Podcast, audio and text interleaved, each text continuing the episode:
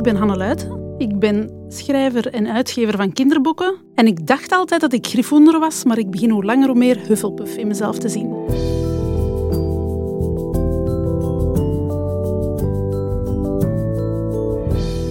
Er is een wereld waar ik helemaal niks vanaf weet. Tuurlijk, ik heb daarover gelezen en gepraat, de voorbije jaren steeds meer zelfs. Maar zelf heb ik er echt geen ervaring mee en vermoedelijk zal dat ook nooit het geval zijn.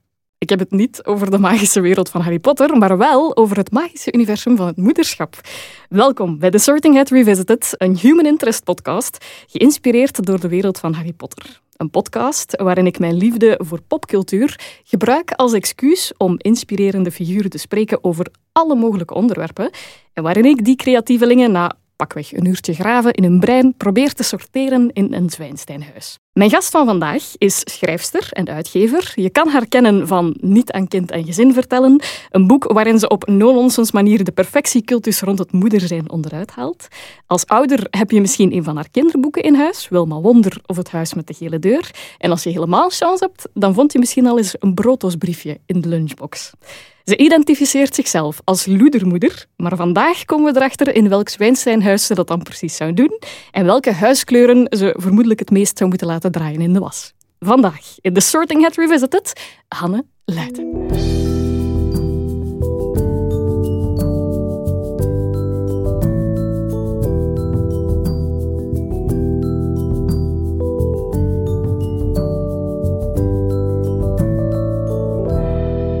Hanne, Maar zeg, wat een intro. welkom. Dankjewel, ik ben blij om hier te zijn. Ja, ik ben ook heel blij dat je hier bent. Ik moet al meteen iets bekennen, Hanne.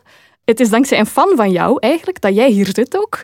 Want ik had geen idee van het bestaan van jouw jeugdboeken. Ja, kijk. Ja, wat leuk wel zeg. Ja, dat is vooral een gemis langs mijn kant, hè. laat dat duidelijk Ja, zijn. nee, want ik, ik, Het is een niche-markt uiteindelijk. Hè. Als Ja. je daar niet in thuis bent, dan kom je dat gewoon ook nooit tegen. Ja, ik, niet aan kind en gezin vertellen kende ik wel, of toch van horen waaien, Ja. maar ik had de link niet gelegd. En natuurlijk, ja, eh, eh, my bad in de zekere zin, want 25.000 plus volgers en counting, eh, tiende uitgave van kind en gezin, kinderboeken die ook als zoete broodjes, eh, wat zeg je dat, over de toonbank gaan. Enfin, Zoiets, ja. het is inderdaad een niche waar ik mij niet bewust van was en waar ik heel blij ben dat ik erop geattendeerd ben, want ik heb zowel de indruk dat jij in de Vlaamse kinderboekenwereld vrij incontournabele bent.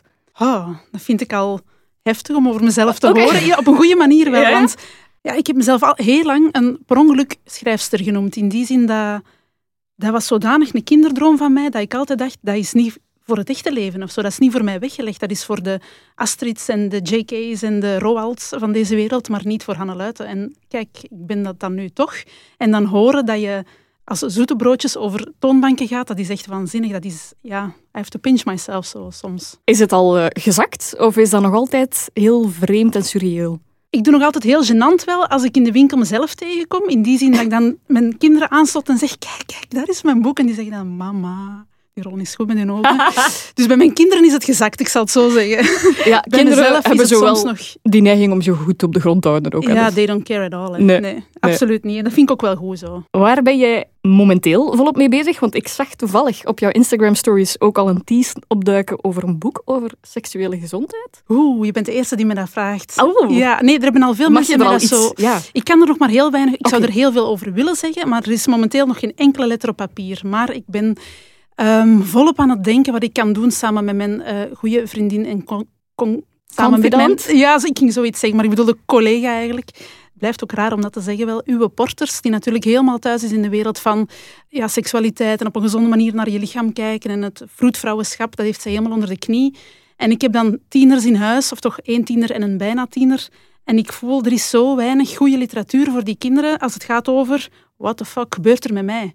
Ik ben nu tien, ik zit in het vijfde leerjaar of in het zesde leerjaar en er gebeurt van alles en ik weet niet hoe of wat. En dat triggert mij enorm om daar zelf iets rond te schrijven dat leuk is, dat die kinderen willen lezen, maar dat die ouders ook willen lezen. Dat geen schande is dat je dat op een keukentafel ergens vindt. Zo. Maar ik hoor aan alles wat ik zelf zeg dat het een heel moeilijk te bewandelen lijn zal worden. Maar ik vind het heel boeiend om daarover na te denken. En de bedoeling is om daar in 2024 het allerbeste boek van de wereld over te droppen. Dat is wel echt de bedoeling. Ja. Daar Goeie gaan we ambitie voor. sowieso. Ja. Wacht, en dat is dan bedoeld ook echt voor de net pubers, zeg ja, maar. net daaronder denk ik. Ik denk zo vanaf het vierde, vijfde leerjaar. En het is ook absoluut de bedoeling dat dat een boek wordt, niet voor meisjes, of niet over meisjes, maar gewoon voor opgroeiende kinderen. Ik wil daar zo weinig mogelijk onderscheid in maken in, in, in voor wie het bedoeld is. Ik wil dat zoveel mogelijk kinderen dat kunnen en willen en durven lezen. Dat, is, wow, dat is wel echt een goede ambitie en stevig ook. Ja, ik weet het. Ik ben nu al zenuwachtig en we moeten nog beginnen zo, omdat ik wil dat ook niet verpesten. Ik heb heel veel goede dingen daarover in mijn hoofd zitten en ik hoop dat dat eruit komt hoe dat het in mijn hoofd zit. Weet je, ja, maar het voordeel is, er is zodanig weinig dat je hoe dan ook een markt aanboort die zit te wachten op informatie. Hè? Ja, nu er is wel het een en het ander, want ik heb natuurlijk al research gedaan van ga ik geen boek beginnen schrijven dat er al is. Los van het feit dat als ik een boek schrijf over iets, dat gaat anders zijn dan iemand anders die dat over hetzelfde onderwerp schrijft. Daar ben ik wel van overtuigd. Maar ik had dan een aantal boeken besteld en beginnen lezen samen met mijn oudste dochter. Dan, die is er eh, elf en half. En ik had haar gevraagd van, kijk, wil jij met mij meelezen en zeggen wat je cool vindt aan die boeken en zeggen wat je niet begrijpt of wat je raar vindt. Ik zei, daar kunnen we alleen maar uit leren voor we beginnen aan ons boek.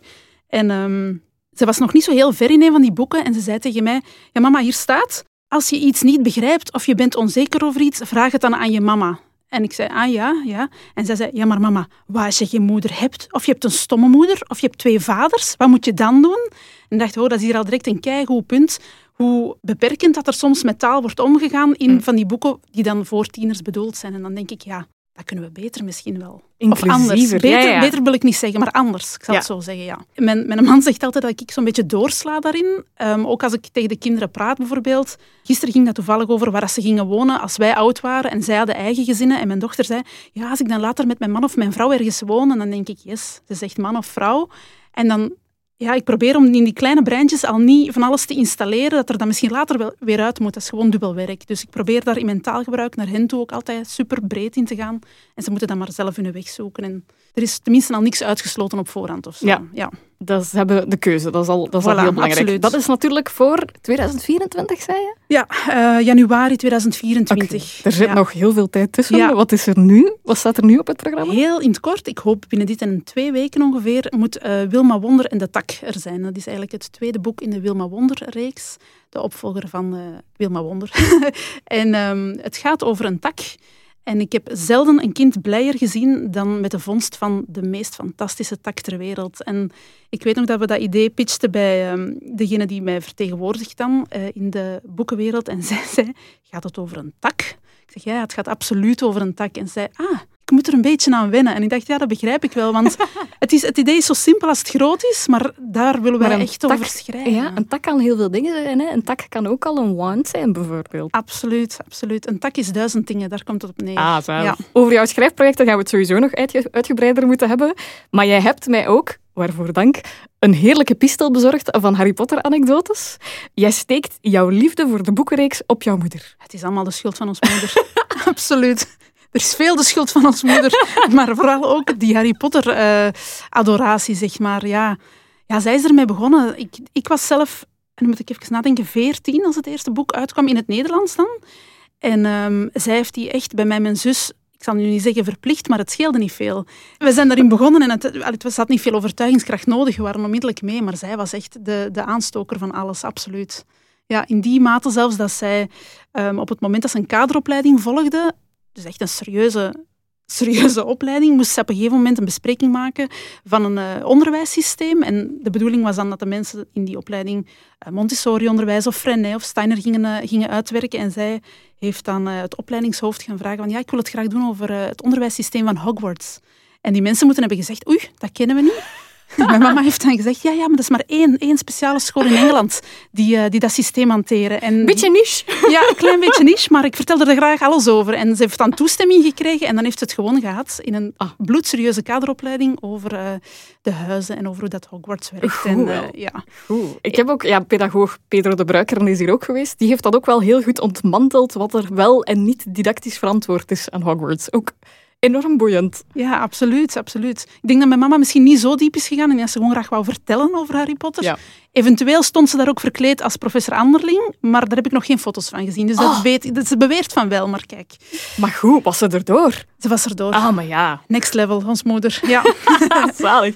Zij heeft die microben succesvol overgedragen op jullie, uiteraard. Want jij begon jezelf ook in te beelden in dat universum. Hè? Eh, ja. Te denken van, waar hoor je dan thuis? Of... Ja, dat is iets heel surreële, want je leest die boeken en je weet met je volle verstand, dit is een fantasyreeks. Ik zit niet in Hogwarts, ik kan daar ook nooit naartoe gaan. En toch betrapte ik mezelf op bepaalde momenten van, ah ja, en als ik dan straks zwerkbal ga spelen, wat ga ik dan, wat ga ik dan doen en hoe ga ik zieken? En, wat, en dan denk ik, oh nee, stop het is, het is niet echt. Hè? En dat is zo boeiend aan kinderboeken. En dat is een beetje wat ik zelf ook wel hoop met mijn boeken te kunnen doen, is die kinderen kunnen doen verdwalen in een universum dat niet echt is, maar wat dat wel heel, heel echt aanvoelt. En daar heb ik, ehm, los van de problematische dingen waar J.K. Rowling nu mee wordt geassocieerd, alleen met haar uitspraken gewoon, een enorme, enorme bewondering voor hoe dat ze dat heeft gedaan. Mhm. Ja. Je zegt van, ik uh, beeld mij dan in, in dat universum. Hoe ziet dat eruit? Hoe rol jij in het uh, universum van Harry Potter? Wat zou jij doen? Waar zou jij rondlopen? Ik zou overal verdwalen, denk ik. Absoluut. En eerst zit dat alleen in je hoofd, hè, want je hebt die boeken gelezen en je, je beeldt je daar van alles bij in. En dan komen die films. En dan merk je wel dat de fantasie in je hoofd het beeld van de films overneemt, of zo was het bij mij toch. En dan zie ik mezelf door die gangen rennen, of, of met Luna schoenen zoeken, of, of ik beeld me dan in in die gigantische tafels. En voor mij heeft dat een enorme gezelligheid, brengt dat met zich mee. En, en een gevoel van, van samen zijn of zo, denk ik wel. Dat, dat, heeft ook wel te maken met dat kerstelement natuurlijk. Hè? Mogelijk, mogelijk. Echt, uh... En die kaarsen in die lucht. Ja. En ja. Uh, zou je daar ook een schrijver zijn of zou je daar een heel ander beroep hebben? Ik weet het niet. Ik denk dat het bloed kruipt waar het niet gaan kan. En dat ik wel dikwijls in die bibliotheek zou te vinden zijn. En, en s'avonds in de leerlingenkamer in de zetel misschien wat zitten schrijven. Ik weet het niet. Zo de Rita Skeeter van de jeugdliteratuur. Ja, maar dan een lieve. Maar dan een betere. Ja. ja, Zonder, zonder uh, Absoluut. loucheveer en zo. Ja, ja, ja. Daarnet had je het over het huis van ik zou graag zeggen Gryffindor, maar misschien toch eerder Hufflepuff. Ja. Waar zit de voorliefde? Waar zit de voorkeur misschien?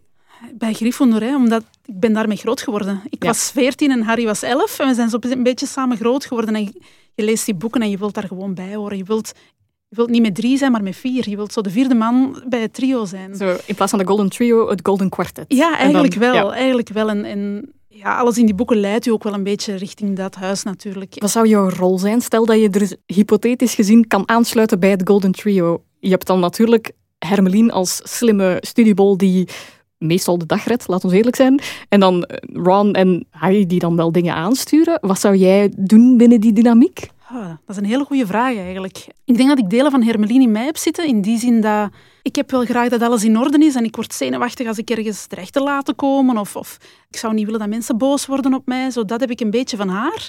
En tegelijkertijd heb ik ook wel zo... Ja, ik ben ook soms wel echt heel onhandig en heel lomp. En dat zie ik dan zo'n beetje in Ron wel terug. Dus ik denk dat ik ja, daar ergens zou tussen passen of zo.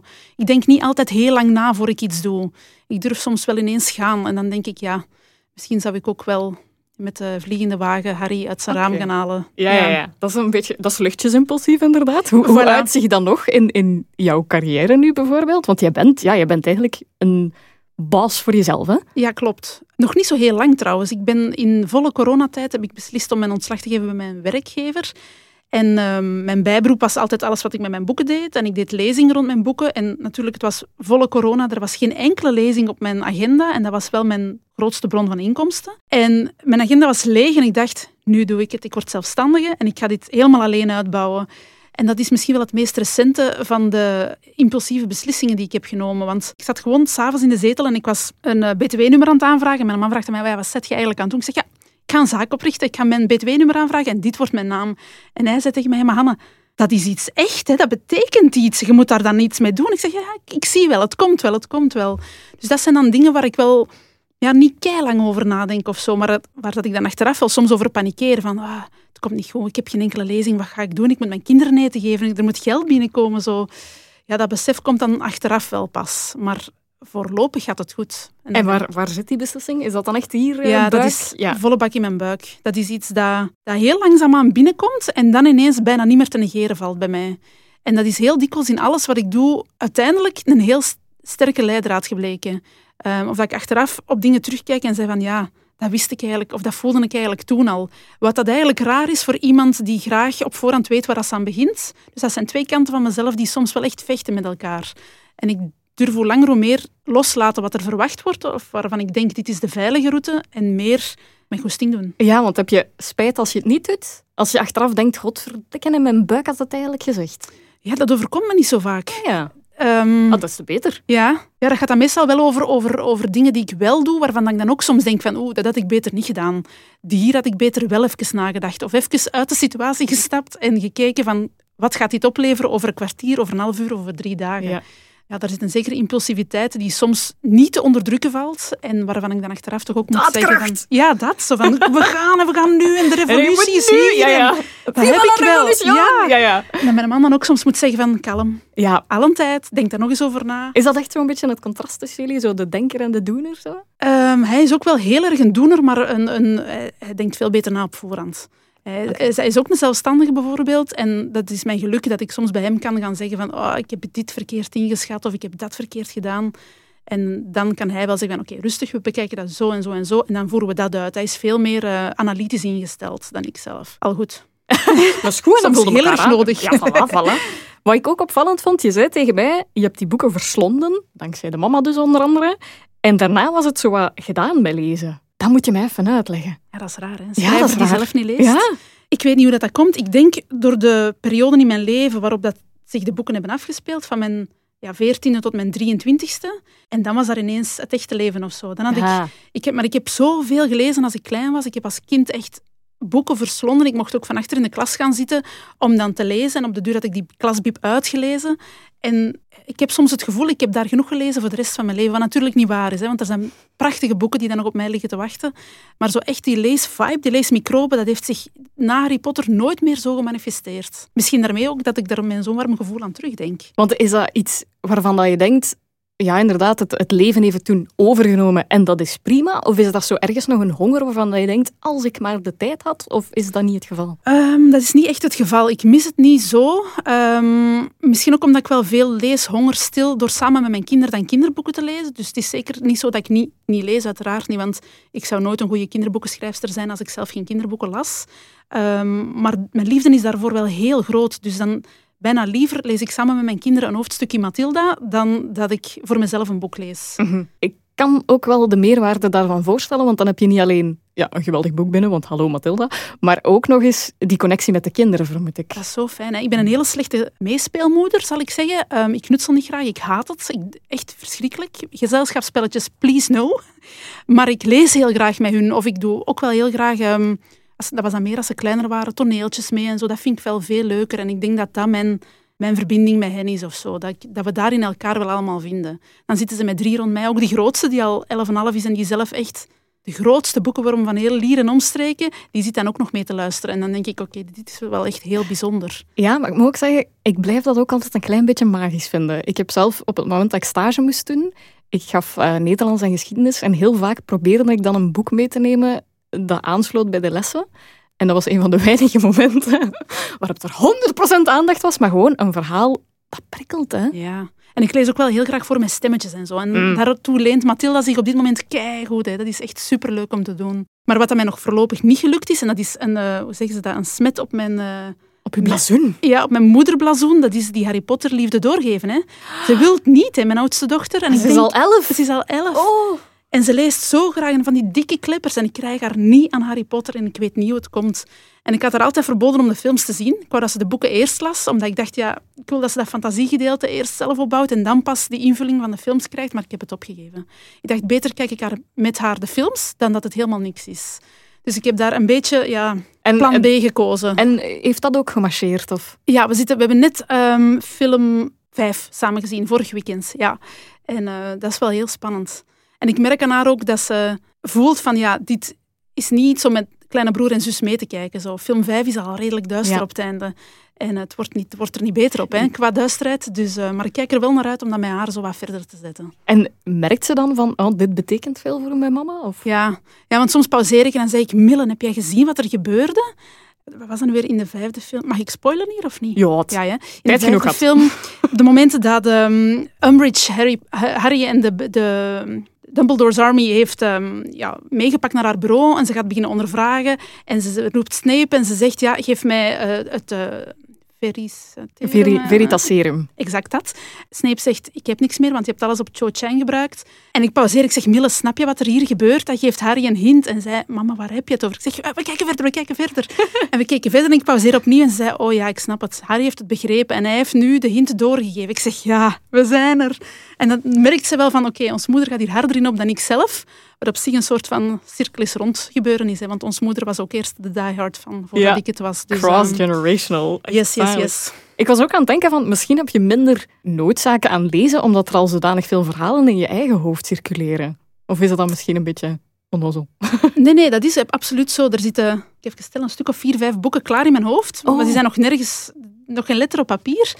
Maar het is soms heel vermoeiend daarboven. Ja. En er lopen heel veel mensen al rond in mijn hoofd. Dus als ik, dat, ik vind het heel moeilijk om, om mij volledig op een ander universum Ja, op die te zitten eigenlijk al in de weg van hetgeen dat er al Soms zit. wel, ja. Misschien moet ik ze er eerst uit krijgen en heb ik dan meer plek. Maar dan... En heb je dan, heb je dan weer. van die personages die harder zitten te roepen? Of? Er is er eentje die heel hard roept, maar ik krijg hem er nog niet uit. Ik heb het juiste, het juiste verhaal nog niet te pakken. Of, of...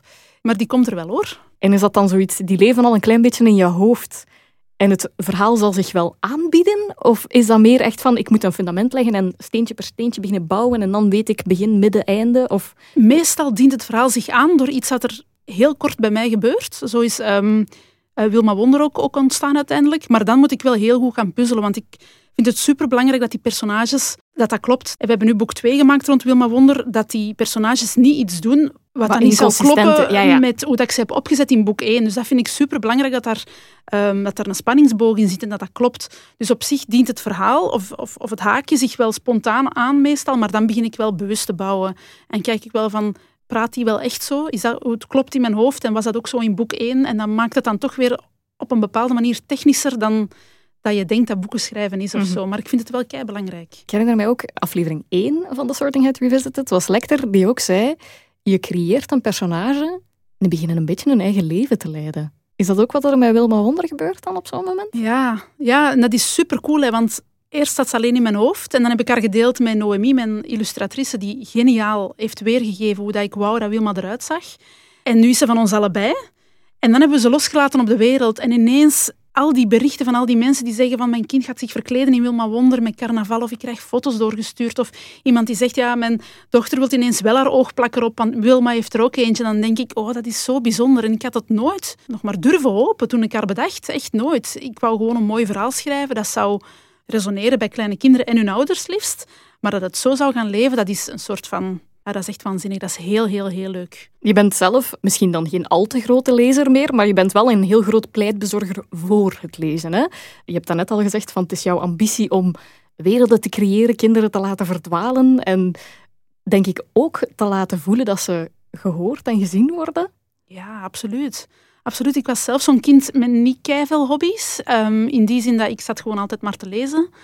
Wat dat sommige mensen zien, is een kind dat zit te lezen en dat weinig sociale interactie heeft op dat ogenblik.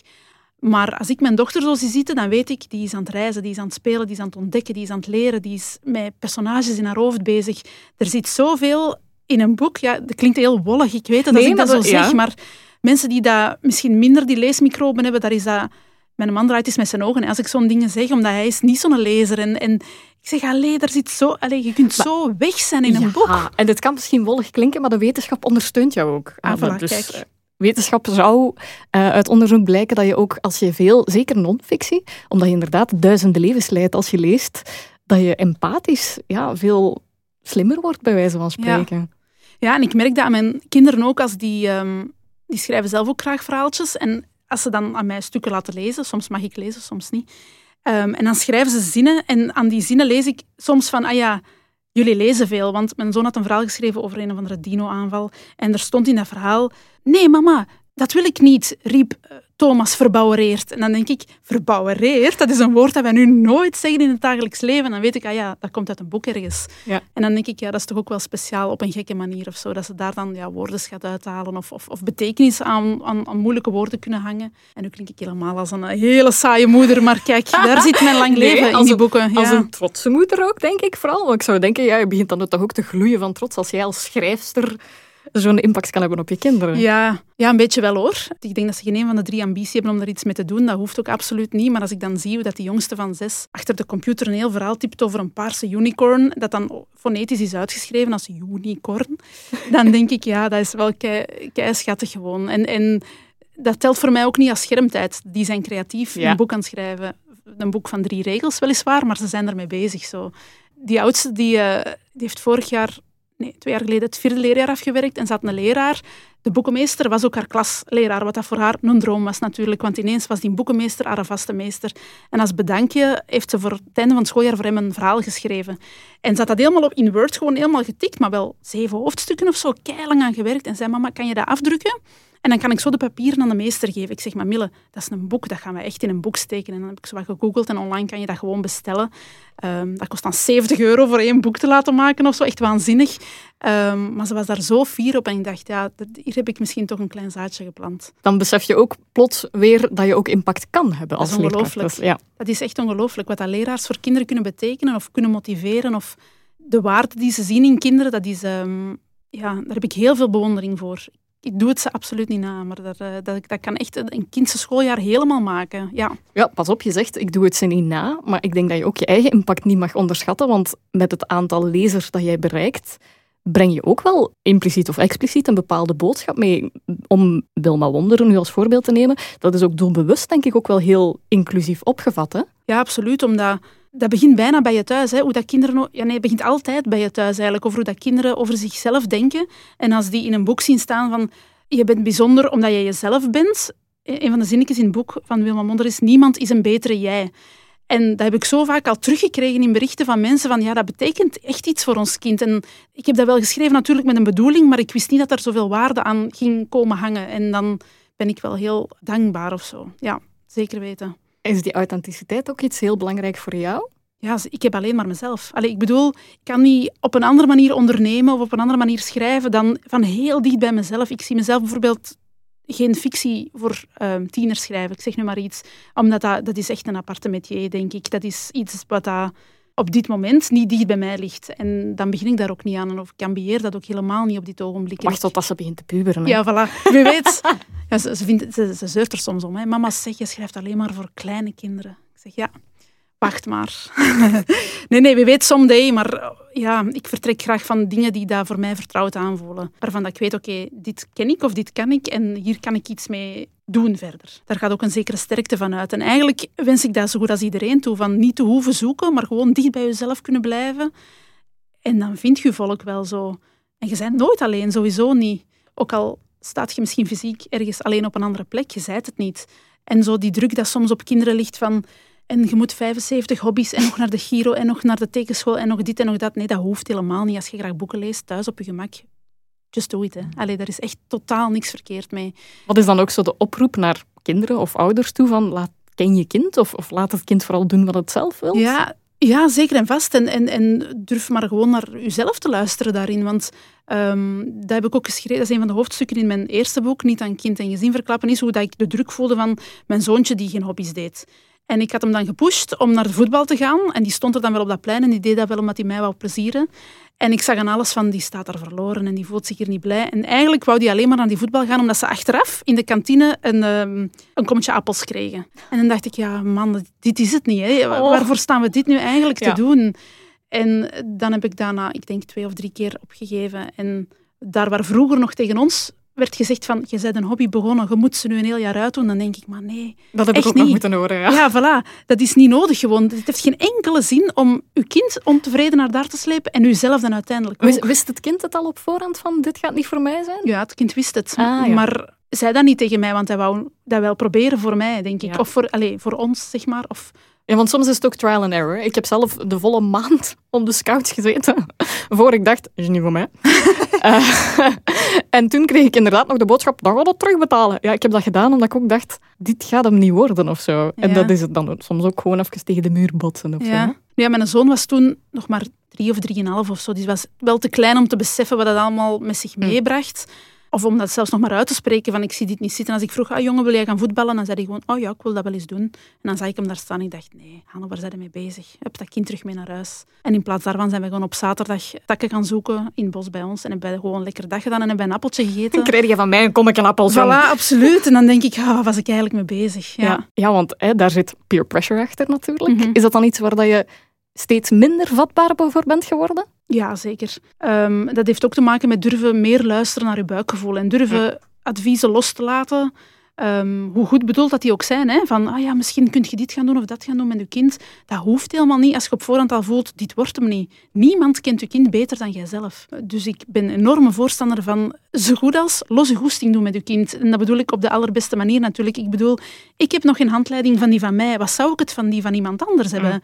Dus ik vind dat, dat ouders daarin echt lekker gewoon hun buikgevoel mogen volgen en mogen doen waar ze volle bak goesting in hebben. Ja, want dat is iets dat ik heel hard waardeer aan bijvoorbeeld niet aan kind en gezin vertellen, is dat je eigenlijk daarin een soort van warme oproep hebt gelanceerd om vooral die perfectiecultus achterwege te laten. Mhm. hè? Het idee van ja, mama mafia hier en iedereen zegt wat je moet doen, ginder. En er zijn overal meningen en je hebt het gevoel dat je het onmogelijk mhm. goed kan doen natuurlijk. Ja, nu, ik moet wel zeggen, die moedermafia, dat is... Ik heb het gevoel dat ik dat enorm heb zien verbeteren sinds dat ik elf jaar geleden voor het eerst moeder werd. En nu, ik heb het gevoel dat er nu wel veel meer community is, ook dankzij Instagram bijvoorbeeld, wat dat voor mij wel echt een hele warme, veilige plek is.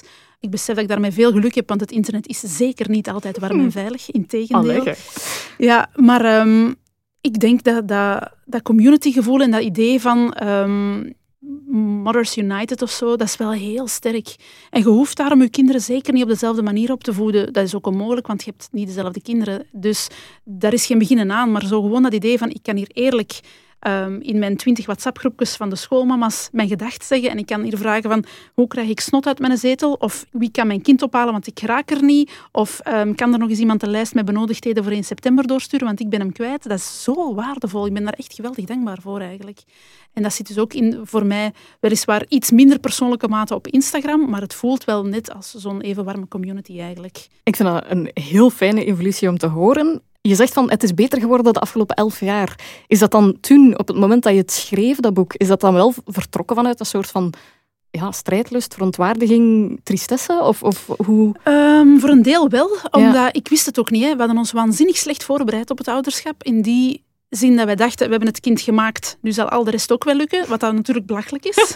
als ik me niet zo had laten schuren misschien, als ik meer op mezelf had durven vertrouwen, dan was dat goed gekomen. Maar in het begin heb je een verpleging die elke zoveel uur van wacht wisselt, en je hebt vroedvrouwen, en je hebt dokters, en je hebt je eigen moeder, en je hebt je schoonmoeder, en je hebt tantes, en iedereen heeft meningen. En ik vroeg daarop om, voor alle duidelijkheid. Het was niet zo dat die ongefilterd op mij afkwamen.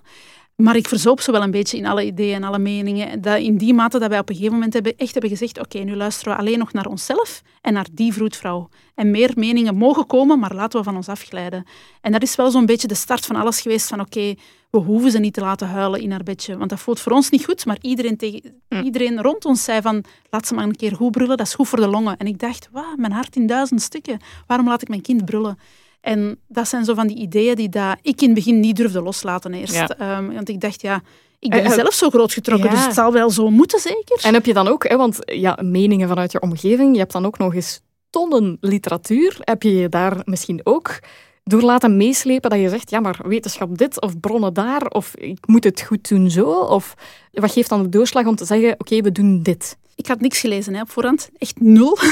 um, dus literatuur was er niet voor mij. De doorslag geeft, denk ik, uw moederhart dat in duizend stukken op de grond ligt. Dat is zo'n sterk gevoel, dat valt bijna niet te negeren. Allee, of ik zal voor mezelf spreken, ik kon dat bijna niet, negeren. En dan dacht ik, oké, dit doen we nu niet meer zo en wel op deze manier. En dat zal waarschijnlijk meer uh, botsen in het begin dan dat het wel marcheert, maar het is tenminste een gevoel dat klopt. En daarin leert uw kind u ook heel veel. Hè. Dat zijn kleine spiegels die rondlopen en soms durf ik, durfde ik in het begin wel eens zeggen van, als hij aan mij vroeg, dan mijn oudste, van ja, maar waarom moet ik dat zo doen? En dan heb je de neiging wel om te zeggen, omdat ik het zeg. En dan dacht ik, maar nee, ze stelt mij een goede vraag. Waarom wil ik nu dat die schoenen aandoet? Als we gewoon met een auto gaan rijden. Stel mij al uw waarom-vragen alstublieft, want het helpt mij ook om, om betere inzichten te krijgen of zo. Dus natuurlijk heb ik die meer dan eens zonder schoenen of zonder broek mee in een auto gestoken. Als hij aan mij vroeg waarom en ik had geen zinnig antwoord, ja, dan is het ook mijn plicht als moeder om een stukje tegemoet te komen of zo. Dus mijn kinderen mogen mij altijd tegenspreken als ze denken dat ze het beter weten, maar wel op een normale, vriendelijke manier. Ehm, ze hoeven niet in mijn gezicht te brullen, dan trek ik wel een grens natuurlijk. Maar als ze zeggen van nee moeder, nu zit je mis en wel hierom, ja graag. Heb je het idee dat je wel hebt moeten opboksen tegen bepaalde vooroordelen of zo? Ik kan mij voorstellen dat niet iedereen even happig is om zijn kind zonder broek naar school te sturen of zo. Naar school is het nooit gebeurd, gelukkig. Dan was, was, er toch een soort van zinnigheid, ook al bij mijn dochter doorgedrongen, denk ik. Maar um, ja, opboksen niet echt, omdat dat wel, dat gaat over kleine dingen. Hè. Dat zijn geen levensveranderlijke beslissingen of zo. Maar nee, Maar ik bedoel daar ook mee, ik kan me voorstellen dat er vaak ook al een oordeel klaar staat, ook over jou als moeder bijvoorbeeld. En dat is wel heel confronterend, toch? Waarschijnlijk. Nog niet zo heel lang geleden, mijn zoon heeft lang haar. En uh, mensen vergissen zich altijd. Die denken altijd dat ik met drie meisjes op stap ben. Ik denk dan, oké, dat kan gebeuren dat die dat denken. En ik verbeter die mensen dan wel altijd heel vriendelijk, want die kunnen zich vergissen, maar ik vind dan wel dat ze ook beleefd mogen verbeterd worden. En ik vroeg aan mijn zoon, ja jongen, wil je dat eigenlijk wel, dat ik die mensen verbeter? Of vind je dat niet erg dat ze denken dat jij een meisje bent? En hij zei tegen mij, ja mama, jij mag dat doen, die verbeteren, maar voor mij maakt dat niet uit, want je kan toch niet beslissen hoe mensen over je denken. Oh, hallo, kroket. En dan dacht ik... Okay. Dat is levenswijsheid dat mensen meestal 30 jaar nodig exact. hebben. Exact. En ik dacht, maar hij zei dat op zo'n ontwapende, hele simpele manier dat ik dacht, ja jongen, dat is misschien nog het slimste wat ik hier de afgelopen jaren heb gehoord. En doe je het nu ehm, nog steeds of heb je het losgelaten? Dan? Nee, ik verbeter wel nog altijd. Omdat hij ook zei van, je mag het doen, maar voor mij maakt het niet uit. Dacht ik, ja. En meestal zijn mensen reageren dan, oh, dat had ik niet gezien. En dan denk ik, ja, ça va, geen probleem. Het enige waar ik dan wel echt wild van word, als ze dan beginnen zeggen van, ja, lang haar, dat is toch voor meisjes. Ja, ja. Dan, dan komt er wel een soort van uh, Lewin in mij naar boven of zo. En terecht, en terecht. Want dat is inderdaad ook zoiets, net zoals bij onderwijs, is, is ouderschap ook iets waar iedereen een mening over heeft. Ook, hè? Waar iedereen ook denkt iets over te kunnen bijdragen, al dan niet terecht. Missen we realiteitszin als het op ouderschap aankomt? Ik heb wel wel geleerd dat het meeste advies of de meeste um, benaderingen die komen van goede plekken. Mensen hebben hm. zeer zelden slechte intenties als ze advies geven. Integendeel. Um, dus ik probeer dat heel vaak, als ik iets hoor waarvan ik denk, oh, dit strookt niet met wat ik van plan was of met hoe dat ik het zie, te denken van oké, maar die proberen mij wel te helpen. Die zijn er niet om mij onderuit te halen of die zijn er niet om mij te questionen, zelfs dan niet. En heel vaak wil ik altijd wel luisteren naar wat ze te zeggen hebben, maar beslis ik dan wel zelf, hier ga ik mee verder, ja of nee. Um, dus ik denk niet dat het aan realiteitszin ontbreekt. Ik denk wel dat het heel moeilijk is om uh, voor andere gezinnen mee te denken. Allee, ik kan wel, als iemand om advies aan mij vraagt, zal ik het ook geven, maar wel vanuit mezelf. En daarmee bedoel ik van, ik zal dan wel zeggen, wat voor ons werkt, is dit. Hm. Dat is zeker geen blueprint dat op elk gezin kan toegepast worden. Um, dus dan moeten die mensen dan ook maar zien of ze mijn advies geweldig negeren of daar iets mee doen. Maar dat vind ik wel een belangrijk besef, of zodat je wel voor jezelf spreekt. En dat zeker niet probeert te veralgemenen. Ga jij dankzij jouw ingesteldheid vrij complexloos door het leven? Of is dat misschien een te makkelijke veralgemening die ik nu maak? Puur voor mezelf heb ik niet gigantisch veel complexen. Ook omdat ik wel weet, dit is waar ik het mee moet doen.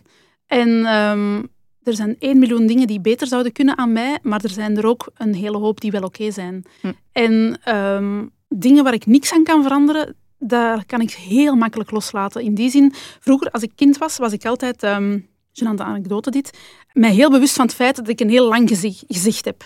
En ik ben daar een tijd ongelukkig over, allez, ongelukkig, niet blij mee geweest. Totdat ik op een dag besefte van, ja, hier kan ik nu gezegd niks aan veranderen. er is geen aanpassing, geen therapie, niks gaat dit nu veranderen in heel mijn leven. Dus ofwel kan ik daar droevig over blijven, ofwel laat ik dat geweldig gaan. En dat inzicht van, oké, kan ik er iets aan veranderen? Ja, wil ik dat dan? Ja of nee? En dan kun je nog kiezen. Maar als je er niks aan kunt doen, dan laat ik het geweldig los. Er zijn dingen die ik nooit zal kunnen en ook nooit zal ambiëren, want het heeft geen zin gewoon. Is ook dat zelfkennis? Gewoon weten van dit wel, dit niet, is prima. Ja, dat zelfkennis is ook een beetje luiheid. Hè. Dat is, ook, is dat? Is ja, dat luiheid? Voor mezelf wel. Hè. Ja. Zo, soms raak ik wel enorm geïnspireerd door um, zo prachtige brooddozen die mensen maken voor hun kinderen. Met zo Eiffeltorens in quinoa en zo. En dan denk ik, wauw, ik wil het. En dan denk ik, maar ik kan het niet. Dus ik ga dat gewoon niet doen. Misschien niet hard genoeg willen of zo. Ik denk dat uw kinderen niet u liever graag zien omdat ze geen Eiffeltoren krijgen. Mijn kinderen zouden mij haten als ze quinoa in hun broodjes kregen. Echt haten. Ehm, dus dat is ook zelfkennis of zo. Maar allee, dat is maar een onnozel voorbeeld. Maar ik bedoel gewoon, ik ken zeer goed mijn beperkingen en ik mhm. ambieer niks in die richting. Nee. Je hebt in een artikel van De Morgen op een gegeven moment verteld over de mental load van het moederschap. Dus hoe ja, vermoeiend het kan zijn om in je hoofd precies 10.000 tabbladen te hebben openstaan en dat er eigenlijk nooit één weg kan. Er komen er alleen maar bij, bij wijze van spreken. Is dat iets inherent aan ouder zijn of is dat ook gewoon de aard van het beestje? Beide, denk ik. Alhoewel het enorm opvalt dat in de meeste gezinnen, en nu zal ik zeer traditioneel spreken, waar een mannelijke partner en een vrouwelijke partner is, dat die mental heel vaak bij de vrouwen ligt. En dat gaat niet over wie zet de vuilzakken buiten of eh, wie kookt er vanavond, maar het gaat over al het denkwerk dat voorafgaat aan de klusjes. En dat idee van, in september is de worst nightmare op, van, gebied van um, mental load. Het idee van, zijn al die benodigdheden in huis? Wie moet er nog een turnzak? Waar zijn die turnsloffen? Passen die turnsloffen nog? Moeten we nog naar een decathlon? Nee, niet op zaterdag, want dat is daar kwijt niet druk. Wat gaan we eten volgende week? Oh, de poetsvrouw komt. Zijn alle kamers opgeruimd? Welke juffen zijn er? Oh, er is een oudercontact. Ik moet mij inschrijven voor de infoavond. Dat allemaal, gecombineerd met nog de gewone dingen van het leven die erbij komen, dat is, ja, het is kermis in mijn brein op dit ogenblik. En dat is wel heftig nu. Het helpt voor mij enorm om dat uit te spreken tegen mijn man. En die staart dan gelijk een uh, hert in koplampen naar mij van shit, er gaat hier een vulkaan ontploffen. Wat kan ik doen om het te ontmijnen? Maar heel vaak is die vraag krijgen van zeg mij wat ik kan doen, genoeg om totaal te ontploffen voor mij. Want dan denk ik, moet ik nu ook nog zeggen wat dat mensen kunnen doen? En dat is natuurlijk een uh, self-fulfilling prophecy. Hè? Dat blijft, zo hou ik het in stand. Want als ik niks deel, dan blijft het in mijn hoofd zitten. Dus dat is iets waar dat werk aan is bij mezelf.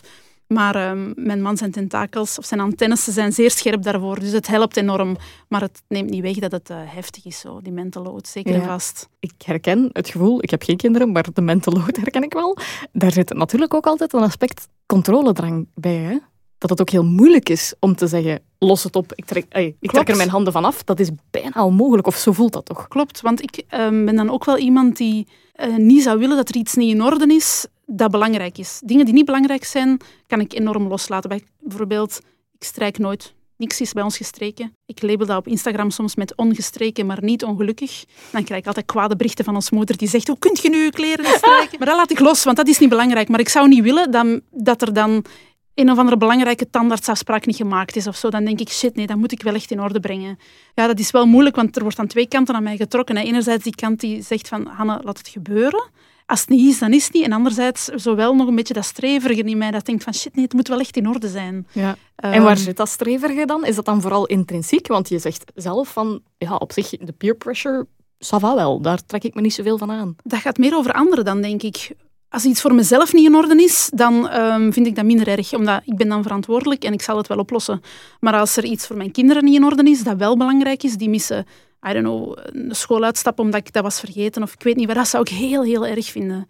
Ja, of zo fietsdag op school en ze moeten dan iets met wieltjes meebrengen. Mhm. Dat is al meermaals gebeurd dat wij dat niet wisten, of dat ik dat niet wist en dat ik nog wel een step ben achterna gaan brengen. Terwijl ik denk, die kunnen ook wel een step van iemand lenen hè, op school. Dat is het probleem niet. Maar ik zou dat niet willen door iets wat ik vergeet, dat mijn kinderen daar staan te huilen op die speelplaats. Ja, want je zegt hè, uh, loedermoeder tussen aanhalingstekens, maar daar hoor ik dan wel een gigantisch verantwoordelijkheidsgevoel in ook. Ja, ik zeg het omdat dat heeft te maken met, ik wil niet dat, dat ik hen... Ehm, ja, door iets wat ik vergeten, dat zij ergens ja, niet mee kunnen of zo. Terwijl, dat is ook een deel plantrekkerij. Hè. Dat zijn al relatief grote kinderen. Mijn man zegt dan, je zei knettergek dat je die step zijn gaan achterna brengen. En ik zeg dan, ja, maar ze stonden daar anders zonder step. En dan had hij gezegd, laat ze daar dan zonder step staan en laat ze dat oplossen. Dus het is wel een helikoptermoeder in mij ook, hoor, die dan ook wel wil dat alles oké is ik ben niet de meest leuke ouder bij ons thuis. Mijn man is de leuke, de fun parent, en ik ben de, de helikoptermoeder. Maar dat is oké, ik heb me daarbij neergelegd. Dat, dat klinkt natuurlijk als een contradictio in terminus. Enerzijds zeg je loedermoeder, anderzijds helikoptermoeder. Ja. Het zijn eigenlijk twee kanten die een beetje vechten. Klopt, klopt.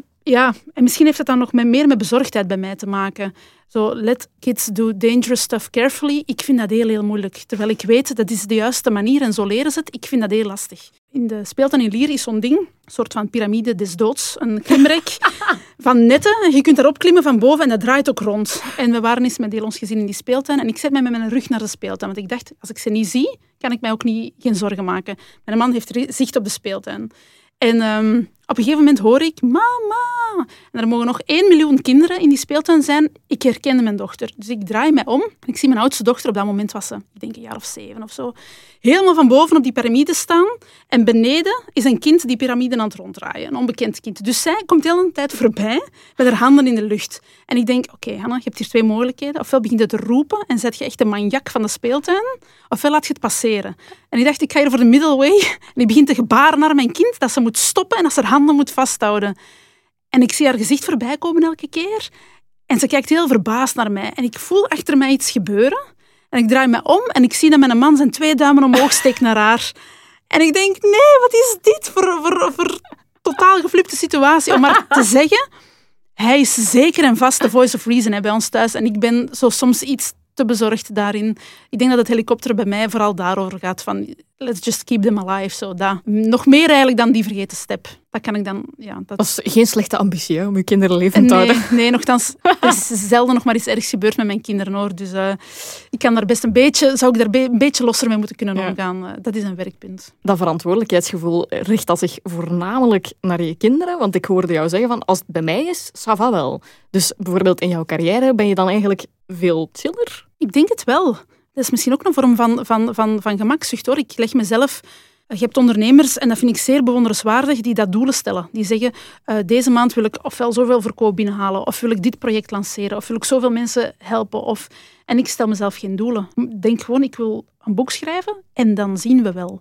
En dat is natuurlijk een weinig ambitieuze ingesteldheid, maar ik hou de druk graag laag of zo daar zit een, een, voorzichtigheid in, of misschien ook wel een, een, een, ehm, een naïviteit of zo. Of, of, ja. Ik verwacht niet graag te veel van mezelf. Ja, maar ik denk dat je jezelf daar ook mee tekort doet. Als, in, als je het omschrijft als gemakzucht en je zegt van ik hou mijn ambities graag laag. Ik snap de logica erachter, maar je hebt ook al wel wat heel, al heel wat verwezenlijkt ondertussen. Hè? Als je kijkt als andere schrijvers, jeugdschrijvers, kinderboekenschrijvers naar jou kijken, ik kan mij voorstellen dat dat iets is waar zij alleen maar naar kunnen streven, bij wijze van spreken. Oh, dat vind ik heel moeilijk. Ja, ik kan dat heel, maar heel moeilijk over mezelf zeggen eigenlijk. Dat, ja, ja, vind ik lastig. Dat, oh, dat snap ik, dat snap ik. Ehm, maar als buitenstaander kan ik dat makkelijk zeggen. Ja, misschien wel. Nu, ik zie die cijfers ook wel en ik weet ook wel van oké, dit is wel waanzinnig wat er hier gebeurt. Maar um, je bent ook maar zo goed als je laatste ding of zo. Dus ik mm. wil niet denken dat het volgende even succesvol gaat worden. Als dat zo is, dan ben ik de eerste om te juichen. Hè. Daar niet van. Want ik, alles wat ik heb steekt daarin. Hè. Niet alleen mijn centen, maar ook mijn passie, mijn tijd. Alles zit in die kinderboeken. En ik wil dat dat marcheert, maar ik durf daar wel niet van uitgaan. Mm.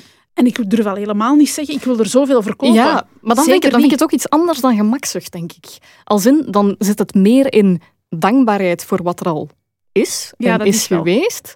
En dat je daar ook heel bewust van bent. En dat je eigenlijk ook geen om het filosofisch te zeggen, geen verwachtingen hebt van het universum of zo, van ah, het volgende zal dan ook wel zo zijn. Of dat je dat niet voor granted neemt. En dat is geen slecht ding, denk ik. Nee, nooit. Nooit. Want ik besef heel goed dat me dat zo'n beetje per ongeluk is overkomen allemaal. Als in eerste boek, als ik niet die kans had gekregen om die te schrijven, dan was Wilma Wonder er nu niet, om het zo te zeggen. Dat heeft allemaal zo een sneeuwbaleffect gehad op elkaar. En dat is heel cliché natuurlijk, maar het is wel zo. Als die community er niet was op Instagram, als al die mensen mij niet steunen en niet denken, oh, die eerste boek was leuk, weet je wat, ik kan die tweede ook al bestellen. Ik vind dat nooit vanzelfsprekend, want een boek is duur. Hè? 20 euro is niet weinig geld voor een boek. Ik vind dat heel bijzonder dat dat, dat kan en dat, en dat ik een nieuw, ja, binnen twee weken een nieuw boek vast heb zelfs. Dat is um, ja, heel uh, surreëel bijna nog. Nochtans, je zou denken, na twee jaar is ze dat gewoon. Dat is wel echt niet. Het zou maar erg zijn als je het gewoon wordt, misschien ook, hè? Ja, ik denk een dag dat je het gewoon wordt, of dat het bandwerk wordt, of dat de boeken niet meer zoveel betekenen dan gewoon een boek, zeg maar. Uh, dan moet ik misschien nog eens nadenken over hm. wat ik moet doen of zo. Je zegt, ik ben een per schrijver. Opnieuw vind ik dat je jezelf dan eigenlijk daarin tekort doet. Maar bon, wanneer is zo het kantelpunt gekomen van waarop je echt zo voor de eerste keer kon zeggen van oké, ik ben auteur, dit is mijn job? Ik denk toen dat mijn eerste boek uitkwam en mijn foto daarvan achterop stond. Ah, en ik dacht, dat is wel echt mijn gezicht. En er zijn nog mensen die gaan luiten eten. Hè? Dus mijn naam erop, Sava nog. Maar mijn foto, dat, was, dat viel niet meer te ontkennen dat ik dat boek had geschreven. En dan zo op de boekenbeurs voor de eerste keer, waar ik zelf als kind echt aantekeningen van Mark de Bel ging verzamelen. Dat was echt zo'n um, Dear Diary moment wel.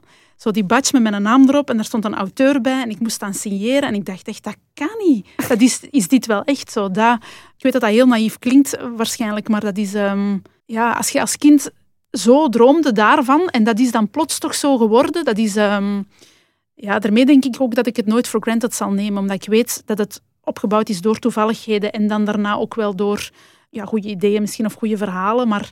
Consistent hard werk, zou ik ook denken. Ja, dat, dat ook wel, ja. um, maar dat vergeet ik dan ook wel, consistent hard werk, omdat eens dat dat er is, is dat een verhaal geworden en is dat niet meer een werk of zo. Dus dat is iets heel raar of zo in mijn, in mijn job wel. Die Wilma Wonder, dat is een, een, een figuurtje op papier, maar het is echt. Hè. Voor, allee, ze kan zo echt het vriendinnetje zijn van kinderen. En dat, en ja, dat maakt dat ik het maar moeilijk als werk kan zien, terwijl dat natuurlijk ook wel gewoon...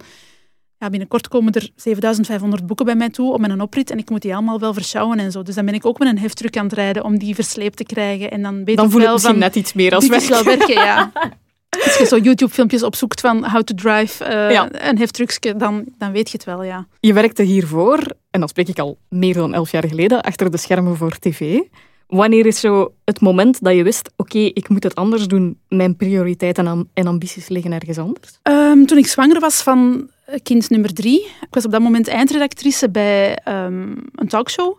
En dat was zo ontzettend fijn om te doen. Maar tegelijkertijd zat ik thuis met tussen scenario's naast het bad, met twee kinderen daarin en eentje in mijn buik.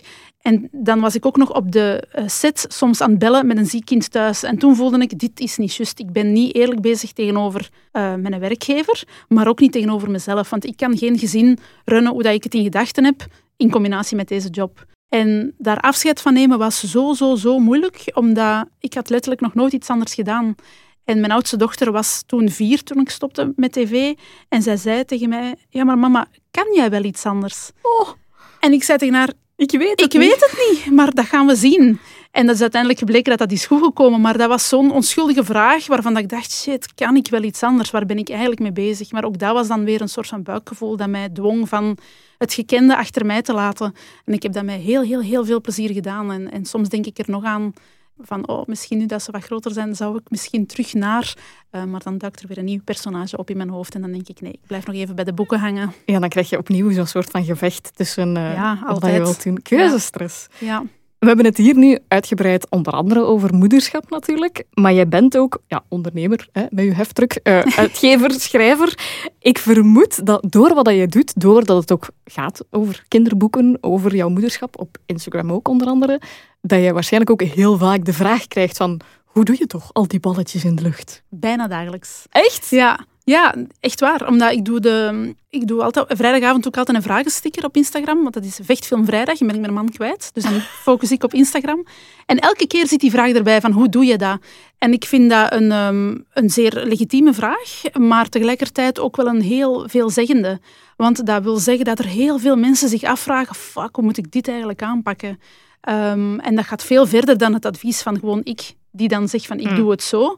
Dat is een, een, een, een bijna maatschappelijk probleem. Hè. En ik ben niet gemachtigd om daar met heel veel intelligentie over te praten. Daar zijn andere mensen veel beter in. Maar dat zegt heel veel als mensen zich beginnen afvragen van shit, maar hoe doe jij dat? Ja, want opnieuw, hè, want je zei, je gaf daarnet het voorbeeld van je zoon aan met zijn lange haren. Ik kan me voorstellen dat dat ook een soort van ja, zijn we die, die vraag niet al een beetje beu ondertussen? Dat die ook vaak aan de vrouw wordt gesteld. Ja, heel vaak. Hè. Ik denk dat er um, zo goed als niemand aan, aan mijn echtgenoot vraagt van maar hoe doe je dat ja. met je drie kinderen en hoe uw fulltime job? Ja. En dan gaat hij waarschijnlijk zeggen, dankzij mijn vrouw wordt dat hier gerund. En gelukkig weet hij dat en spreekt dat ook heel vaak uit. En dat helpt voor mij om het ook te doen of zo. Ik heb het geluk dat hij een zelfstandige is die dat de wakkere uren van zijn kinderen er ook is. En dan s'avonds weer door, doorwerkt, net zoals ik. Um, en dat doet veel. Dus om op die vraag te antwoorden van die balletjes, planning, planning um, en planning die in het water valt en ballen die op de grond liggen, dat ook. Hè. Daar zeker niet van. Um, maar dat, ja, heel vaak wordt me dat gevraagd. Want frustreert je dat? Um, die vraag op zich zeker niet, want ik begrijp ze heel goed. Want ik vraag het mij heel dikwijls ook af. Waar ben ik eigenlijk mee bezig? En hoe ga ik dit runnen? En ik, ik weet heel goed waarom die vraag bij mij terechtkomt. Omdat op Instagram geef ik natuurlijk heel veel inkijk in mijn leven. En ik denk dat mensen zich wel echt afvragen van... Ja, maar dat zijn daar twee zelfstandigen. Die hebben drie jonge kinderen. Hoe geraken die aan die schoolpoort? Dus ik begrijp ook wel dat Instagram daar een soort van vertekend beeld of zo van kan ophangen. Dus ik vind dat uh, ook wel terecht dat die vraag naar mij terugkomt. En ik vind, ik heb daar een platform met heel veel mensen. Ik wil die dan ook wel beantwoorden, die vraag. Al was het maar om te zeggen van, ik weet het niet. Ik weet het ook hm. niet hoe dat ik het volgende week moet doen. En gewoon al dat zeggen, dat is dikwijls voor mensen genoeg. Want die vraag komt uit een soort van onzekerheid natuurlijk. Hè. Hm. Ik wil die mensen ook wel zeggen van, het is overal zo. Het spiegelt u vooral niet te veel aan wat je hier ziet. Want alhoewel dat het bij mij op mijn account wel echt het echte leven is, is iedereen vrij om op Instagram te zetten wat ze willen. En als mensen daar alleen maar picture perfect op willen zetten, that's fine. Maar je moet gewoon weten dat buiten die vierkantjes van Instagram daar ook wel het echte leven passeert. Hm. En zo dat voor jezelf meenemen, dat is wel waardevol. Voor jou, hè, want jij doet het niet, hè, dat picture perfect gehalte. Ik vind het heerlijk dat jij vooral de vibe uitstraalt van we doen maar wat. En we proberen vooral ons best te doen. En soms is dat inderdaad met ballen die uit de lucht vallen. En dat dat af en toe een keer misgaat. Is dat ook een verantwoordelijkheid die je voelt naar die volgers toe? Of is dat meer gewoon van, ja nee, ik deel het gewoon zoals het is en ik hoef daar verder niet veel over na te denken? Ja, eerder dat. Omdat ik denk, als je begint na te denken over ik moet hier zien dat ik niet iets te perfect post, ja, dan ben je het ook alweer voorbij aan het gaan of zo. Dan Ja. is het ook niet meer echt of authentiek. Terwijl ik zet mijn kindjes niet herkenbaar online, dus dat zijn altijd... Bijna nooit zien dat ik een foto van hen maak, of laat ik ze poseren of zo. Echt zelden of nooit, omdat... eh, Ja, dan is het moment voorbij. Natuurlijk, zij weten wel, zij kennen Instagram, ze weten wat ik doe. Ik zou daar ook nooit iets op zetten dat zij niet willen dat ik daarop zet. Ik ben daar wel, want mensen zeggen altijd van ja, ik heb het gevoel dat ik u ken. En dan denk ik ja, ik begrijp dat wel dat ze dat gevoel hebben, maar het is echt maar het topje van een ijsberg dat je ziet op Instagram. Dat geeft ook een vertekend beeld. Zo. En de dag dat mijn kinderen zeggen, moeder, stop, het is genoeg geweest, het is onze privacy, en dan is het ook finito. Daar, eh, dat durf ik ook wel gewoon zeggen, ja. Jij bent naast auteur ook het brein achter de brooddoosbriefjes. Eh, die lieve kleine korte kattenbelletjes met een lieve of grappige boodschap die in de brooddoos terecht kan komen. Stel nu, jij mag kiezen, welke boodschap mag er aan jou geadresseerd worden in de brooddoos? Van jouw kinderen of van jouw Hmm. man of weet ik veel. Ik zou het wel fijn vinden als iemand mijn boken zou smeren. Dat zou wel leuk zijn. Ehm, Dat kan, ik- dat kan ik niet regelen. Ik denk dat als het een briefje aan mezelf gericht zou zijn, wat ik mij veel vaker zou moeten voorhouden, is van maak u maar niet zoveel zorgen. Ik ben een hypochonder. Ik denk heel vaak dat als ik een pijntje heb in mijn been, dat het echt terminale kniekanker is, om maar iets te zeggen. Ehm, en ik kan daar nu wel luchtig over doen, maar dat zit wel in mijn hoofd. En ik weet ondertussen wat ik, ik ken mijn, ehm, mijn triggers en ik weet wat ik moet doen om dat onder controle te houden. Maar als ik niet oplet, gaan dat soort gedachten echt met mij aan de haal. Dus als het iets aan mij persoonlijk gericht moet zijn, ik denk daarvan, het is oké. En helpt dat dan? goed. Als je dat, stel dat je dat briefje inderdaad... Stel dat er nu een brooddoos voor jouw neus zou staan en dat briefje ligt daar. Zou dat helpen? Heel even. En dan Ja. niet, want dan is dat weer aan het draaien in mijn hoofd. Ja. Ehm, dat is iets dat ik al heel mijn leven heb. En ik, ik weet ondertussen wel hoe dat ik ermee moet omgaan. Ja. En ik weet dat ik moet rationele dingen opzoeken. En dan weet ik dat ik eh, niet binnen twee uur doodval, om maar iets te zeggen.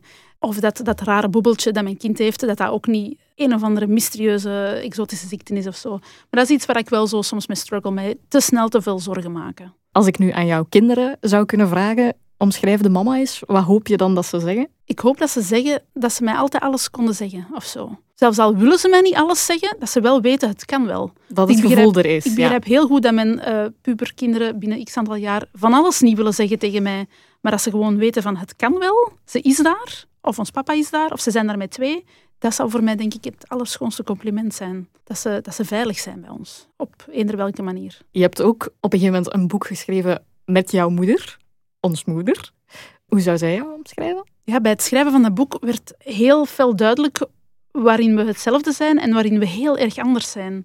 En ik denk dat mijn mama soms niet begrijpt hoeveel eh, dialoog ik voer met mijn kinderen of hoe ehm, vrij ik ze soms laat.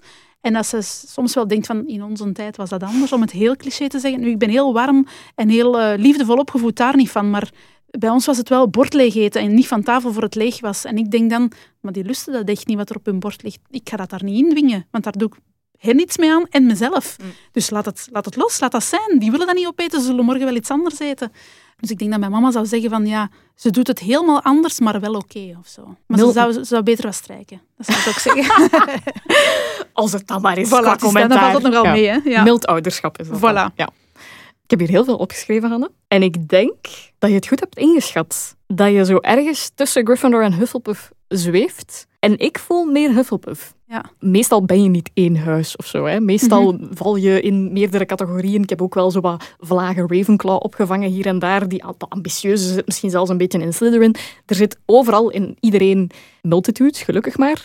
Maar ik denk dat het zwaartegewicht wel eens bij Hufflepuff zou kunnen liggen. Waar denk ik dat Gryffindor zit? Ik heb gehoord impulsiviteit, dat ondernemerschap, dat doen, die daadkracht, die honger ook, dat denken van bon, en nu moet het gebeuren en we gaan. Dat is heel erg Gryffindor.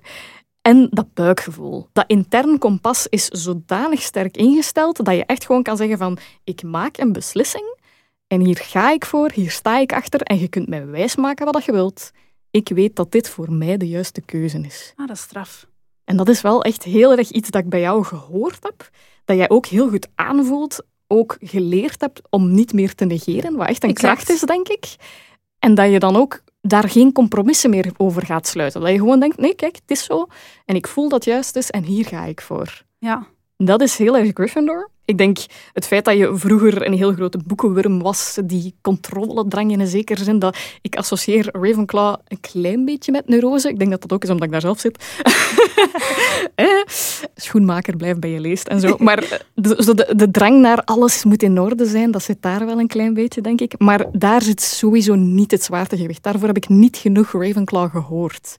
Ik heb veel meer gehoord ja, enerzijds dat Gryffindor-gehalte, impulsiviteit, de daadkracht, dat intern kompas, die authenticiteit, die zit daar ook enorm. Uh, zowel Ravenclaw als Gryffindor zijn echte mensen die je zou dat rigide kunnen noemen in slechte omstandigheden, mhm. maar authentiek in de beste omstandigheden. Van kijk, dit is wat je krijgt. En het is een beetje te nemen of te laten, in een zekere zin. Waar een Hufflepuff zich meer gaat plooien voor de goede vrede, dat heb ik denk ik minder gehoord. Omdat... pas op, dat zit er bij mij ook wel in hoor. Ik denk als je aan mijn zus zou vragen, van omschrijf Hannenis, die zou direct zeggen, die wil dat iedereen blij is. Die wil dat iedereen content is. Dus dat zit er zeker, zeker ook wel in. Maar ik weet dat dat iets is waar dat ik grenzen, beter grenzen in zou moeten leren stellen. Dus dat is wel iets waar ik ook weet van, ja, ik moet niet altijd alles voor iedereen doen. En het voorbeeldje met de step misschien ook wel weer van, ik, ik hoef niet iedereen blij te maken. Ik ben niet verantwoordelijk voor een ander zijn geluk. Terwijl soms neem ik dat wel nog op mij. Ja, ja, Heel vaak eigenlijk. Ja, want dat heb, ik, dat heb ik ook genoteerd. Dat verantwoordelijkheidsgevoel, dat typeert jou denk ik enorm. En dat is heel erg Hufflepuff. Omdat je eigenlijk bijna om het even met een hele grote hyperbool te zeggen, de lasten van de wereld op jouw schouders voelt duwen, bij wijze van spreken. Want je wilt dat iedereen blij is en iedereen gelukkig is. En als je daarvoor nog eens 30 kilometer heen en weer moet voor een step, zo oh, be it. Ja, ja. Ja, ja, ja, en die bezorgdheid zit daar ook, denk ik. Dus dan, ja, dan is het toch weer ietsje meer Hufflepuff dan ik dacht zelfs. Wat heb ik ook wel genoteerd, en dat is dan wel weer iets meer Gryffindor, het feit dat je minder geleid wordt door peer pressure. Want dat is denk ik een traject dat je in een zekere zin misschien hebt afgelegd. Ja. En waarin dat je dan wat meer richting Gryffindor geëvolueerd bent op een heel goede manier, waarvan dat je denkt van, ah wel, dat ga ik mij nu een keer niet aantrekken, zie. Ja, klopt wel. Maar dat is echt dat is een groeiproces hoor. Want eerst zet je geneigd om te doen wat je denkt dat... Nee, wat mensen nu vertellen dat goed is. Mhm.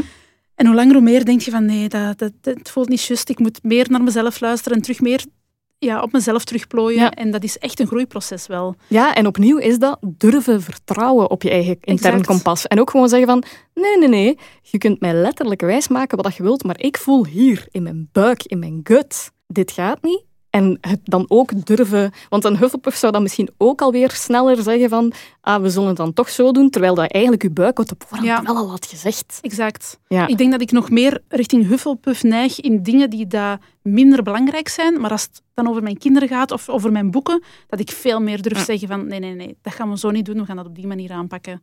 Want ik voel dat dat juister is. En ik denk dat ik in onbelangrijkere situaties misschien dan nog wel eerder zou plooien van oké, ik zal het wel zo doen dan is iedereen content. Zo weinig mogelijk energie nog insteken.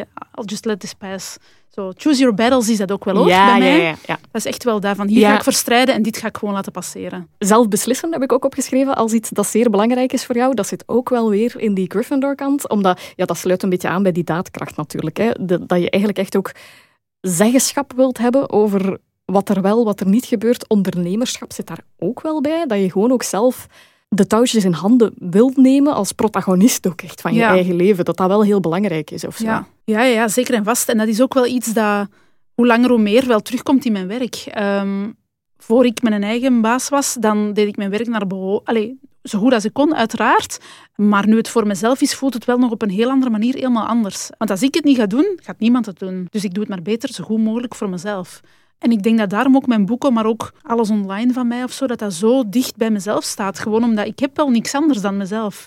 En dat is een, soms een nadeel, maar ik zie dat als een gigantisch voordeel. Want ik hoef maar één mening te volgen. En ook, ik denk dat die authenticiteit daar weer naar boven komt, omdat het voor jou ook voelt van, er is geen andere optie dan zijn wie ik ben, want wie moet ik anders zijn? Klopt. Hoe vermoeiend is het om niet jezelf te zijn als je daarin een keuze hebt? Ja. Allee, iedereen kan zichzelf zijn, helaas, maar ik wil maar zeggen, als je die vrije keuze hebt, waarom zou je de, de, de moeilijke, lastige weg pakken? Je kunt gewoon jezelf zijn. Er is bijna niks makkelijker dan dat. Ja, als je het zelf ja, kan kiezen. dat is niet helemaal waar, denk ik. Dat is heel mooi dat jij zegt van hè, er is niks makkelijker dan, dan jezelf zijn, maar ik denk dat dat voor heel veel mensen niet zo vanzelfsprekend is.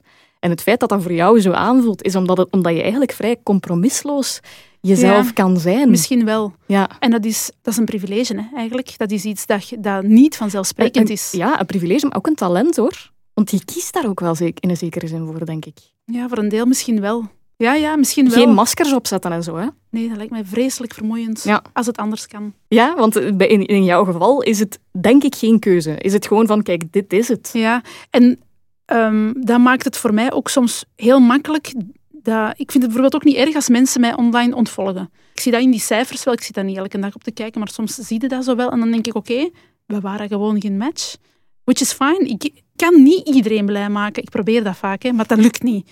Dus ik ga dat ook niet, niet, niet ambiëren, want oh, dat, dat, dat moet echt heel, heel vermoeiend Ja. zijn. Ik kan niet door iedereen leuk gevonden worden. Ah, kijk, ja, nu krijgt Gryffindor toch weer wat extra gewicht in de schaal. Ah, is het waar? Ja, ja, Ja. Maar Wat heb ik hier opgeschreven dat meer zo eh, neigt richting Hufflepuff, is dat je... eh, je hebt heel hard benoemd dat je ervan uitgaat dat mensen geen slechte intenties hebben. Ik hoor heel veel... Idealisme zit in beide huizen, maar ik denk dat je zo het soort idealisme nastreeft dat niet, niet noodzakelijk heel luid en schreeuwerig is, maar meer in de kleine dingen. Dat idealisme zit hem ook wel in hoe dat je natuurlijk de content die je brengt in jouw boeken... Want begrijp me niet verkeerd, ik bedoel vooral om te zeggen dat alle Gryffindors luid en schreeuwerig zijn. Maar het zijn wel veel meer de tafelspringers. En hun activisme is zeer vaak zeer vocaal. En ik weet niet in hoeverre dat, dat dan bij, bij jou aansluit. Want je zegt natuurlijk wel van, ik wil een soort van openheid creëren.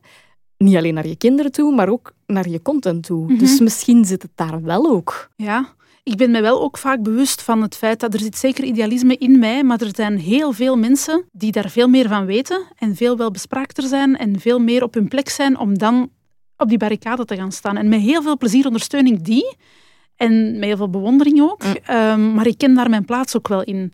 En als mijn plaats is om dat in mijn boeken door te trekken, wat dat bij wijze van spreken gewoon bij ons thuis aan de keukentafel gebeurt, dan zal ik dat doen. Maar ik hoef daarvoor niet heel er campagnes te gaan doen of met... Ik denk dat dat het beter vat dan schreeuwerig. Want daarmee beledig ik misschien oprecht goede Gryffindors. Het ondersteunende element. Dat Ja. is veel meer Hufflepuff. Ehm, dat is een cliché dat heel vaak al aan bod is gekomen in deze podcast. De protagonisten gaan heel vaak in Gryffindor zitten. Mhm. En de, ja, de henchmen, de sidekicks, de ondersteuners gaan vaak in Hufflepuff zitten. Ja. Omdat zij de perfecte mensen zijn met evenveel daadkracht, maar op een andere manier. Die zeggen van, zet jij u maar in de spotlight. Ik zal ik doen wat jij nodig hebt om dat te kunnen Exact. faciliteren. En dat vind ik ook zeer, zeer boeiend. En dat is iets dat bijna in heel mijn ehm, huidig leven, zal ik zeggen, kan doorgetrokken worden, zowel professioneel als in dat moederschap, als eh, sociaal.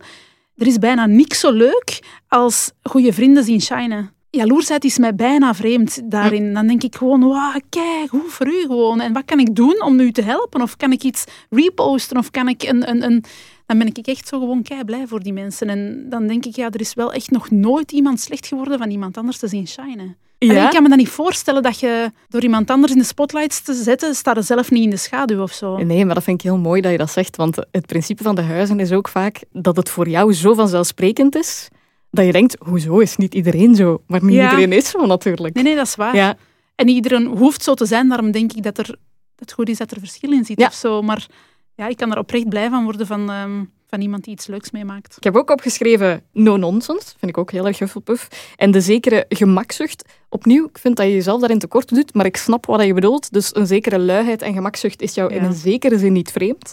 Ook dat is een beetje Hufflepuff. Eh, dankbaarheid is heel erg Hufflepuff, omdat je heel erg bewust bent van wat dat jij ook hebt kunnen bereiken dankzij een community die je hebt. Dankzij Instagram heb ik jou horen zeggen, de partner heb ik jou horen zeggen. It takes a village, ja, dat is een cliché, maar het is een cliché voor een reden natuurlijk. ja.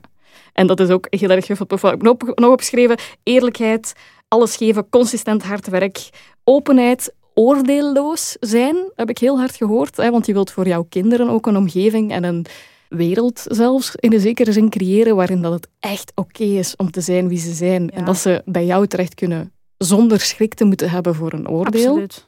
super belangrijk is. Dialoog, vrijheid en dat ondersteunende. En dan, dat zijn allemaal zeer mooie Hufflepuff-kwaliteiten. En dan opnieuw, ik, heb, ik zeg dan van ja, een beetje meer gewicht hier, een beetje meer gewicht daar. Maar dat, eigenlijk ligt het altijd bij jou waar het zwaartegewicht zit. En dus ofwel zeg je dan van geef ze maar allebei. Ofwel zeg je van ja, ik voel me veel meer geneigd naar het ene of het andere huis. En ik weet niet wat er voor jou dan het meest Oh, dat is moeilijk. spreekt. Ik dacht dat er minder uh, Gryffindor in mij zat dan dat jij nu omschreef. Um, dus dat verbaast mij enigszins. Maar klinkt het als jou? Als ja. ik met mijn nek aan het lullen ben? Nee, nee, nee absoluut. Het klinkt zeer... Het, uh, it hits home, dat wel. Ja. Maar ik denk dat ik, dat ik nog meer naar... Ik hoor het mezelf bijna niet graag zeggen, maar nog meer naar Hufflepuff neig. Oh, waarom niet? omdat... Ja, ik, zei, je ben, ik ben ermee opgegroeid hè, en je wilt op Pottermore ook. ik zit in Gryffindor daar. En, en, en al, elke test wijst dat uit, want ik heb er natuurlijk heel veel gedaan. Ja.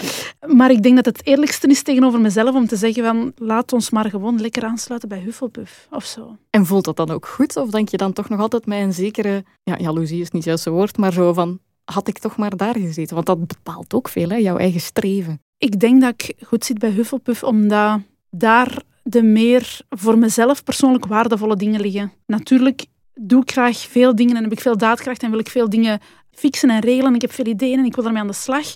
Maar als het dan gaat over persoonlijke dingen, zodat zorgen voor iedereen en, en, en, en allround een aardig persoon zijn, ik denk dat dat mij nog meer plezier verschaft, denk ik.